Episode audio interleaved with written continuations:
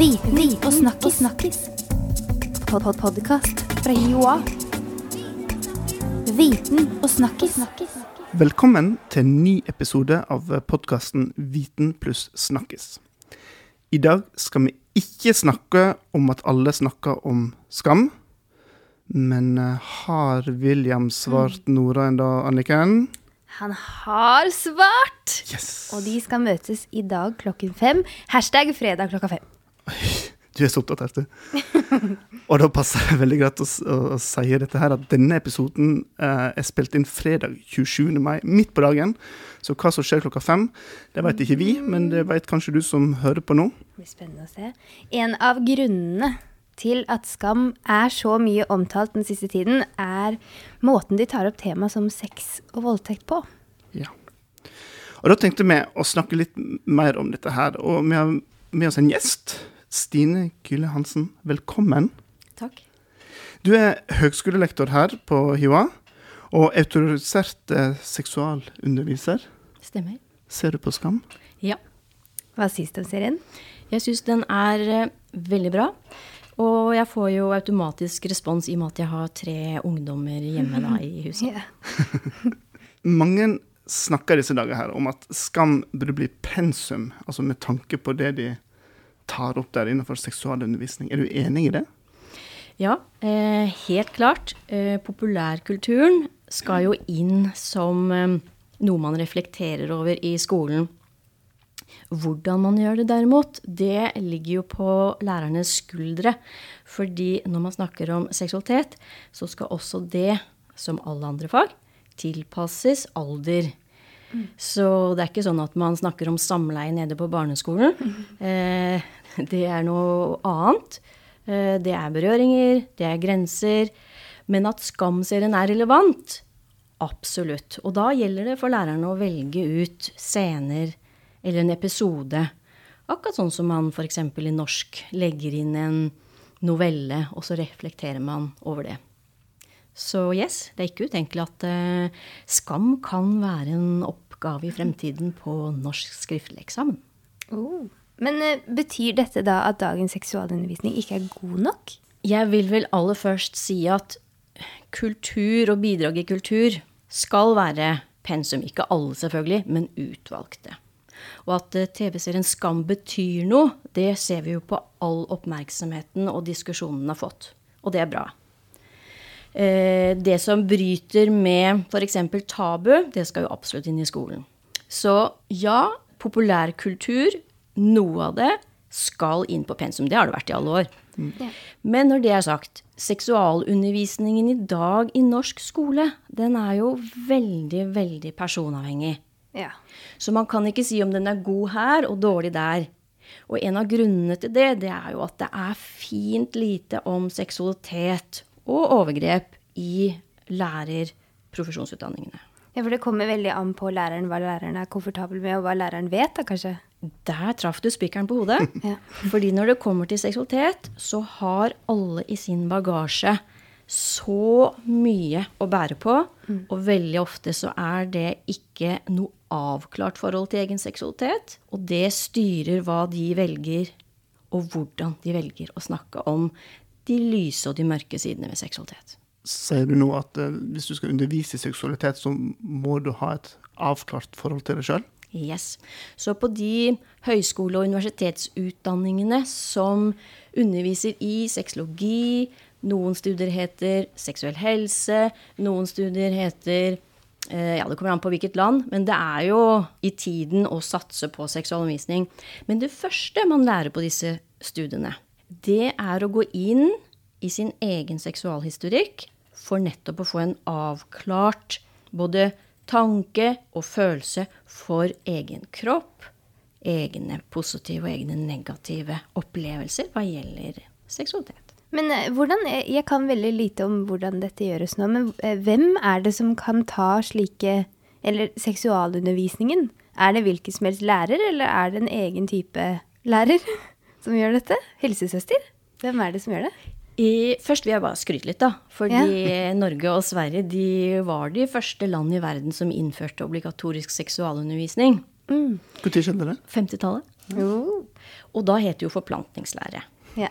Og da, selvfølgelig vi skal, eh, vi skal ikke være historieløse, men på den tiden så hadde vi ikke prevensjonsmidler. Nei. Og hvem er det som kan nyte seksualitet hvis de hver gang blir gravide? En mann. Nei. Så at eh, det het forplantningslære, at det var det nødvendige fokuset, det må vi forstå ut ifra den tiden. Men i dag har vi kommet mye lengre. Så de som underviser i dag, kaller det jo ikke forplantningslære. De kaller det sexkapitlet, og det er å finne i naturfag på ungdomsskolen. Og så finner du eh, 20-30 sider om identitet og grenser i samfunnsfagboka, også på ungdomstrinnet. Og så finner du på barnetrinnet på slutten der, så finner du også mange sider om det som heter eh, pubertet og utvikling. Så de som underviser i seksualitet, kropp og grenser, de er både naturfaglæreren, samfunnsfaglæreren, selvfølgelig KRL-læreren, og også norsklæreren. Fordi norsklærere, de er en uoppdaget eh, ressurs når det kommer til å skryte av seksualundervisningen. For de er noen mestere i å trekke inn bl.a. en sammenligning mellom Nora i et dukkehjem-tipsen og Nora fra Skam-serien. Så det er ikke nødvendig da å ha én dedikert seksuallærer, men at eh, alle samarbeider for å få frem dette budskapet, på en måte? Det, det ligger i alle fag at man skal samarbeide, at man skal lage en helhet og referere til hverandre. Ja. Men det som eh, ofte er tilfellet, det er at mange lærere føler seg utrygge når de skal snakke om seksualitet, og når de skal snakke om seksuelle overgrep. Fordi de ikke fikk noe i utdanninga si. Så i dag så er det jo noe som heter eh, Nasjonalt nettverk for seksualitetsundervisning. Og det består av over 20 aktører som har det til felles at de er utenfor skolen, og at de vil eh, styrke seksualundervisningen. Selvfølgelig i samarbeid med skolen, men de aktørene er som du sikkert har hørt før. Det er liksom MSO, det er Skeiv Ungdom, Marie Start, Rosa kompetanse, you name it. Det er mange, mange, mange aktører som kommer inn på besøk med sine seksualundervisningsopplegg. Og når det er sagt, så er jo det veldig da dessverre også eh, avhengig av hvor elevene bor. Om de er så heldige å få besøk av LLH, eh, som i dag eh, heter FRI. Jeg kan tenke meg at eh, jeg selv som ungdom Nå husker jeg ikke seksualundervisningen, jeg har sikkert fortrengt det på en måte. Fordi jeg selv som ungdom hadde syntes det hadde vært ganske flaut hvis min norsklærer skulle begynne å snakke med meg om dette. Det kommer helt an på hvordan man snakker om seksualitet. Ja. Når jeg eh, kurser eh, helsesøstre eller eksterne undervisere som skal inn i skolen, så er første bud, sånn at ikke elevene skal bli flaue eller få sitt privatliv utlevert. Ja. Første bud, det er å si her i dette klasserommet er det faktisk offentlig rom. Så det er ikke lov å begynne å invitere til en såkalt åpen samtale.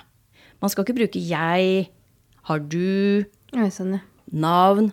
Det er helt forbudt. Så det er mange misforståelser ute og går som gjør at elevene kan sitte helt stille. Og da tror noen voksne at 'å, dette var en veldig vellykket time'. Men det er det altså ikke.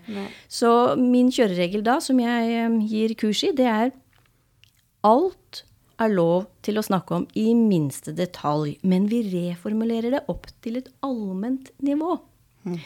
Så du må bare rett og slett anonymisere, og du kan spørre om alt. Da får du liv i klasserommet. Og da øh, vil f.eks. Eh, eh, Pia være trygge på at ikke Jens forteller om hva som skjedde forrige helg. For ungdom har jo veldig ofte sine seksuelle erfaringer med enten en i klassen eller en i parallellklassen. Og vi er pålagt, lærere er pålagt, og de som besøker eh, skolerommet, er pålagt å ta hensyn til denne beskyttelsen for eget privat seksualliv. Hva med hjemme? Foreldre?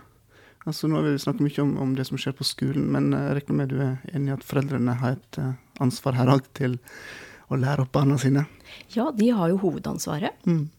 Jeg tipper mange foreldre lurer på når skal jeg begynne å snakke med barna mine om dette. her? Det er eh, et spørsmål som eh, er veldig lett å svare på. For eh, det er med en gang du får barnet i din favn, med en gang du legger det på stellebordet, kler på det og kler av det, så lærer du barnet ditt det aller viktigste, nemlig respekt for egen kropp. Og det har en overføringsverdi når du blir eldre. Det at du respekterer dets nakenhet når det vil dekke seg til, og når du vil eh, gi deg en klem, og når du ikke vil gi deg en klem.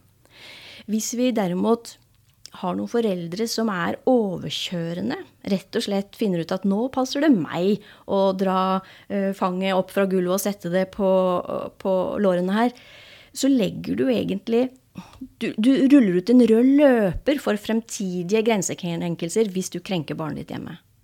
På den måten ved å være en dominerende foreldre. Det høres alvorlig ut, men det er alvorlig. Krenke er jo et sterkt ord. Ja, fordi eh, barnet har også hjemme rett på eh, privatliv. De har rett på å eh, f.eks. på rommet sitt å massere seg selv i fred. Eh, barn har rett på å utvikle sin egen seksualitet uten innblanding fra voksne. Så det ligger ikke bare på norske regler, det ligger helt opp på internasjonale menneskerettigheter. Ethvert individ skal ikke bli krenket hva gjelder å uttrykke sin egen kjønnsidentitet, f.eks. De gutta som har lyst til å gå med kjoler, har lov til å gjøre det uten at de blir mobbet av foreldrene sine. Så den seksualundervisningen foreldrene gjør, den, den gjør de implisitt hver gang de styrker barnas selvtillit, at de sier gode ord om eh, den kroppen de er født med, at de bekrefter barnets eh, behov for å være i ro og ha f.eks. døren låst på do. Eh, foreldre kan bekrefte barnas integritet ved rett og slett å styrke sosial kompetanse. For vi vet jo at de barn med veldig lav sosial kompetanse både er utsatt for å bli misbrukt og å misbruke andre. Når er det Nå snakker du om sosial kompetanse og, og begynne tidlig.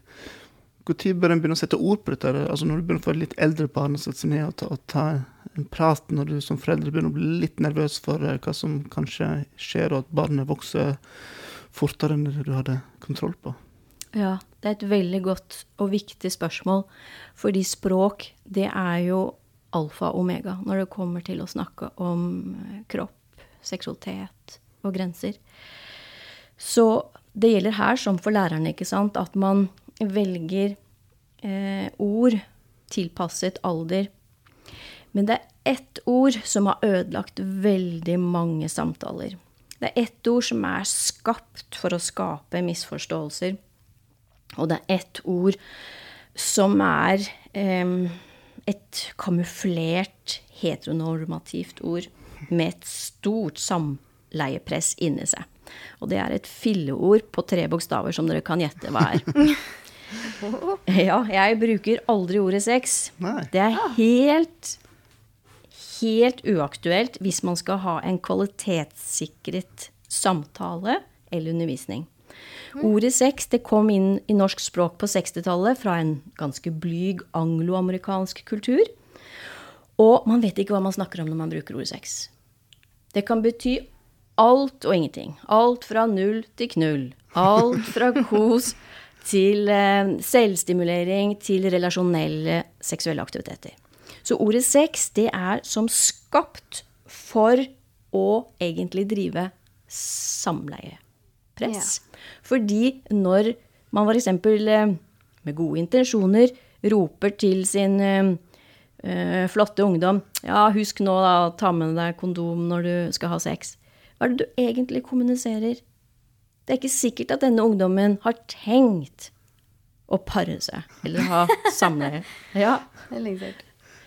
Det er mye bedre hvis man kunne ha sagt Husk nå at det skal være godt, det skal være tilfredsstillende for begge når dere nå møtes. Så å knekke dette her som heter å snakke om seksualitet, det er en kamp. Jeg har skrevet noen artikler om dette. Man må bruke de ordene det handler om, aktiviteter, hvor og hvordan på kroppen. Og selvfølgelig så må man eh, lytte. Man må være en mye, mye bedre lytter når det kommer til dette å snakke om seksualitet med barna sine. Og da får du egentlig nok materiale, for da kan du tenke at denne flotte ungdommen som løper ut døra, sier eh, nå skal jeg ha meg en date, jeg sier, sier han, og han heter Ola, ikke sant. Nå skal jeg ha meg en date med Petter. Det kan være et veldig fint, subtilt signal fra Ola til foreldrene sine om at han elsker gutter. Og da vet de at da må den samtalen tilpasses deretter. For det er ikke alle som er heterofile i Norge. Det vet vi. Det er pluss-minus 5% av befolkningen. Mm. Men nå snakker du veldig om eh, de positive sidene av seksualitet. Det er jo også I forrige ukes episode av Skam så hadde jo Nora et oppgjør med broren til William om nettopp dette å tre over de grensene, og hvor går de grensene. Hun ramset bl.a. opp mange, mye lovverk mm. i den episoden, og det er jo den, eh, det klippet som har blitt spredt mye rundt. Er det fokus på eh, å undervise unge om hvor altså, grensen går? Hva er eh, hva er eh, voldtekt, annet? Ja, jeg kan ta det siste først. Mm. Voldtekt det er jo definert i lovverket som penetrering i en av kroppens åpninger. Mm. Analt, vaginalt eller oralt. Og det betyr at eh, det er ikke bare gutter som kan voldta, det kan også jenter. Um, og det er ikke bare en penis ikke sant, da, som kan gå inn i, i kroppen og, og, bryte en grense som den andre ikke har samtykket til. Mm. Så um, voldtekt er det mye uviten om. Mm. Uvitenhet om. Uh, det er også en myte at en voldtektsperson er en som hopper frem fra busken en mørk natt og er helt ukjent. Uh, vi vet jo fra forskning at det er ikke tilfellet. Det er dessverre slik at det er flest voldtekter mellom kjente. Og at um, grensekrenkelser sjelden blir snakket om. Uh, I gjennomsnitt så tar det 17 år før en med overgrepserfaring betror seg til en annen. 17 år? 17 år. Ja. Det er lenge. Så at uh, Nora sitt øh, øh, flott leksende når hun taler foran William øh, nei, unnskyld. Broren til William. ja, når hun taler foran Nikolai, så er det veldig forståelig at det har gått som ild i tørt gress. Fordi det er vanlig, dessverre, at overgrep skjer. såkalt date rape. Og um, hun har helt rett, Nora, i at det er ulovlig å, å, å gå inn på en annens kropp når de er fulle eller når de sover, eller når de er mindreårige. For de er ikke i stand til å samtykke. Mm. Og festrelaterte voldtekter er jo det vanligste også når man ser på statistikk om voldtekt. Jeg eh, tenker at der kanskje mangler det litt allmennkunnskap om hvor grensen går, kanskje? Ja, det, det, det, mangler mye kunnskap om det som handler om overgrep. Og derfor er det veldig riktig når de sier at eh, temaet skal inn i skolen.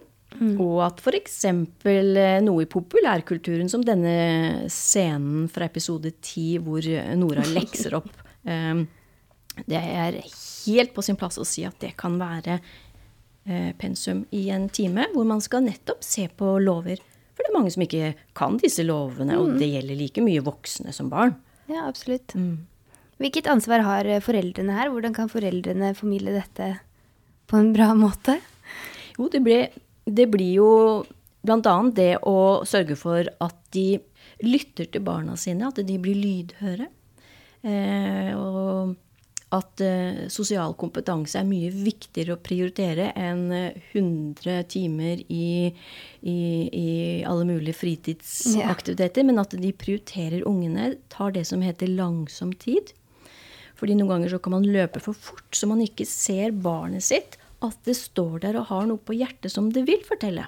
Så uh, det er det ene. Uh, foreldre må se sitt barn, ikke være for stressa opptatt med å real realisere seg selv.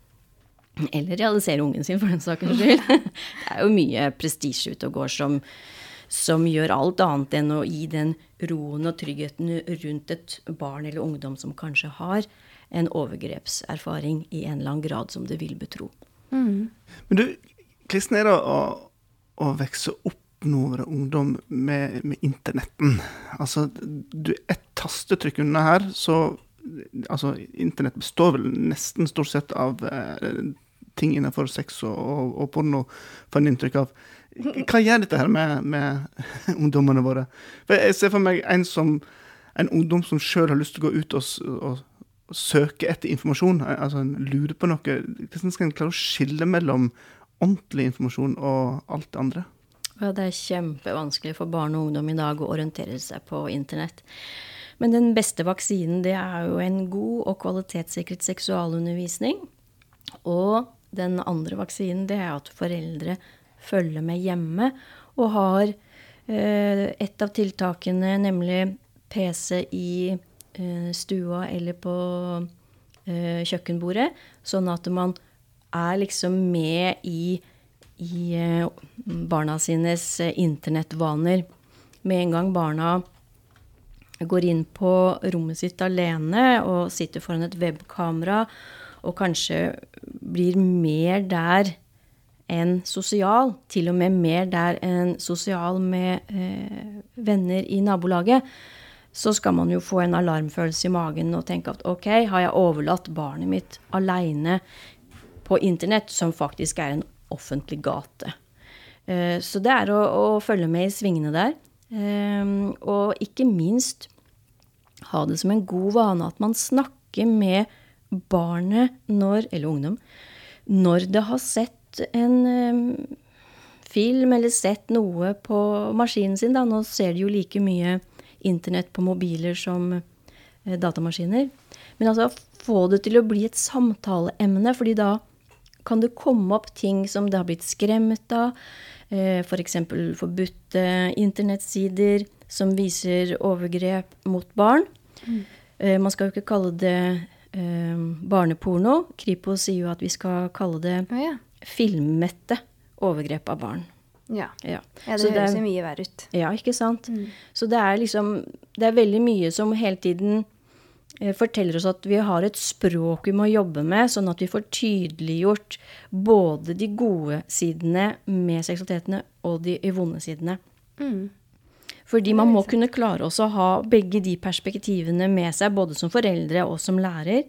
Eh, jeg sier det til ungdom når jeg har eh, seksualundervisning. Kan dere finne noe annet, sånn som seksualiteten? Den kan jo brukes, og den kan misbrukes. Hva annet er det vi har rundt om? Og de er så flinke. Da forteller at ja, vann. Eh, vann. Vi kan ikke leve uten vann, men vi kan også bli drukna av vann. Mm. Og vi modellerer dette inn sånn at de skal skjønne at det er styrker, og det er livsberikende elementer med seksualiteten som gjør at vi kan gå på skyer, og vi kan føle at vi klarer alt i verden fordi vi har et godt seksualliv. Samtidig så er det da det som også blir i bagasjen din hvis du går med et seksualovergrep uten å ha snakket om det, så kan det være så destruktivt at du vil ikke engang la kjæresten din berøre deg. Mm. Så det er de to sidene som vi må formidle på en helt eh, rolig måte som foreldre.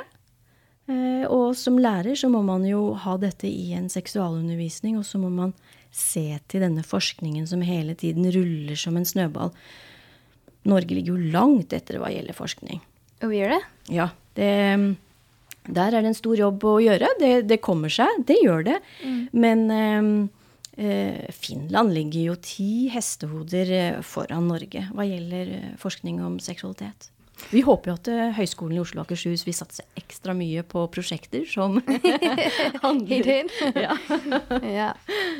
Jeg vil jo jeg vil jo gjerne skryte av Høgskolen i Oslo og Akershus, da, som har satset på, på, på, prosjekter som handler om å gi et kompetanseløft Um, og det er jo den eh, videreutdanningen som åpner nå til høsten, ikke sant?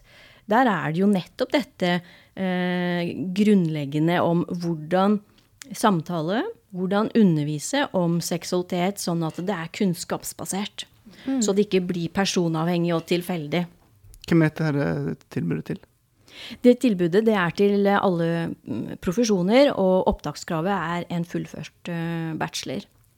Men det er altså tverrfaglig, sånn at eh, hvis da eh, en fysioterapeut har tatt dette nettbaserte studiet på høyskolen her, så eh, kan jo den fysioterapeuten eh, eh, trigge fysioterapiutdanningen, sånn at de får enda mer på pensum i fysioterapiutdanningen. For der er det ressurser som trenger mye støtte, sånn at de får kraft bak de tingene som handler om å inkludere det at jo, mennesker i rehabilitering de har også et seksualliv, så de trenger å ha fysioterapeuter som kan eh, snakke om det. Det er veldig sant. Mm. Stine, jeg vil bare litt tilbake til det du sa eh, litt før her, om at med ordet sex og det var et ord du ikke likte og ikke ville at vi skulle bruke. Så da er det store spørsmålet til foreldre og lærere ute. Hvis ikke vi skal bruke ordet sex, hva slags ord og begrep kan vi bruke når vi skal snakke med ungdommen, som gjør at de har lyst til å høre på oss, og at ikke den der eh, rullegardina går ned eh, i ansiktet på oss? Ja, ja fordi ordet sex er helt uegna. Ja. Det sier jo ingenting. Eh, Det er akkurat det samme som å f.eks. si eh, Liker du sport? Liker du sex? Det er, det er altså Ordet sex er jo tatt monopol på alle nyanser. Så de ordene vi da må gripe til istedenfor, det er jo rett og slett aktiviteter. Det betyr verb. Man sier eh, Ja, hvis jeg er eh, en foreldre, da, eh, og ikke skal bruke ordet sex, og vi snakker med en eh, unge som er elleve år, og den spør hvordan eh, er det egentlig Hvordan har det seg egentlig at eh, jenter eh, ikke har en sånn penis? Fordi jeg hørte om det på skolen i dag av en veldig flink helsesøster. Da skal ikke en foreldre si jo, altså det må være sånn fordi du vet det er en mann og kvinne som skal ha sex. Altså, hva er det man har kommunisert? Det er jo både det heterofile og det er jo samleie, akkurat som om alt dreier seg om et samleie. Ja, jeg syns det er utrolig fantasiløst. Nei, foreldrene kan da si at vet du hva? Eh, det er veldig mye likhet mellom eh, penis og, og klitoris. Og det er lystorganer. De skal behandles med, med respekt, og man skal alltid være enig hvis man skal kose seg med dem. Da har du ikke nevnt ordet sex med ett ord. Det du har klart å formidle, det er at dette her er et viktig organ. Her skal man ikke ha noe skam. Du har også formidlet at her skal det alltid være enighet. Altså har du fått formidlet at det er grenser som er noe av det viktigste som skal alltid være rammen for å kose eller stimulere disse organene. Og så har du i tillegg unngått å være heteronormativ. For det er ikke sikkert at den sønnen din er heterofil. Så det er å bryte ned rett og slett ordet sex i det som handler om steder på kroppen, fakta, aktiviteter, eh, bare nyanser. Du klarer det så fint bare du erstatter det lille fillordet med noe mer kunnskapsbærende. Og jeg har jo samme kjøreregel for foreldre som lærere, at man snakker ikke privat om sin seksualitet med, med barn eller elever. Man, man, anonymiserer, og så senker man skuldrene, og så lytter man. Da får du egentlig nok informasjon til å vite hva du skal liksom fylle på av lite grann eh, fakta. Ikke så mye, men litt. Til akkurat det barnet eller eleven spør om. Ikke noe sånn voldsom misjonering. Mm. Dette er veldig nyttig. men Nå hadde du et bra scenario der. Et siste scenario, da. er din 16-17 år gamle barn. eh, Du mistenker vedkommende har kanskje hatt sitt første samleie, og du som forelder er veldig ivrig på at eh, prevensjon er viktig å få med seg. Hva ord og begrep skal du eh, bruke for å på måte komme på bølgelengde der? Da er det jo veldig fint at man har kommet i den posisjonen at man har fått denne samtalen, for den samtalen er gull verdt. Da vil jeg ha sagt at Ja, du skal debutere. Husk at det skal være godt for begge. Trenger du prevensjon? For det er ikke sikkert. Vi vet nå av forskning at det er mye som handler om klining og fingring og eh, oral. Ikke ta det for gitt at ungdommen din gjør noe så avansert som å ha samleie. Fordi de har eh, De er ganske opplyste. De vet at det er eh, mye eh, stimulering med, med, hender og tunge. Så senk skuldrene og, og tenk at eh, kanskje er barnet ditt mer eh, fantasifullt, nyansert i sitt seksualliv fordi de er i en mer moderne kultur enn de litt eldre, som eh, kanskje var eh, hakket mer eh, forplantningsfokuserte. perfekt avslutning. Ja, tusen takk skal du ha, Stine, som kom og snakket vett med oss. Du kan eh, lese mer om dagens episode på blogghioa.no slash viten og snakkis. Og så kan du abonnere i din podkast-app. Veldig bra. Ha det bra. Viten, og snakkis. snakkis. Pod -pod Podkast fra Hioa. Viten og snakkis. snakkis.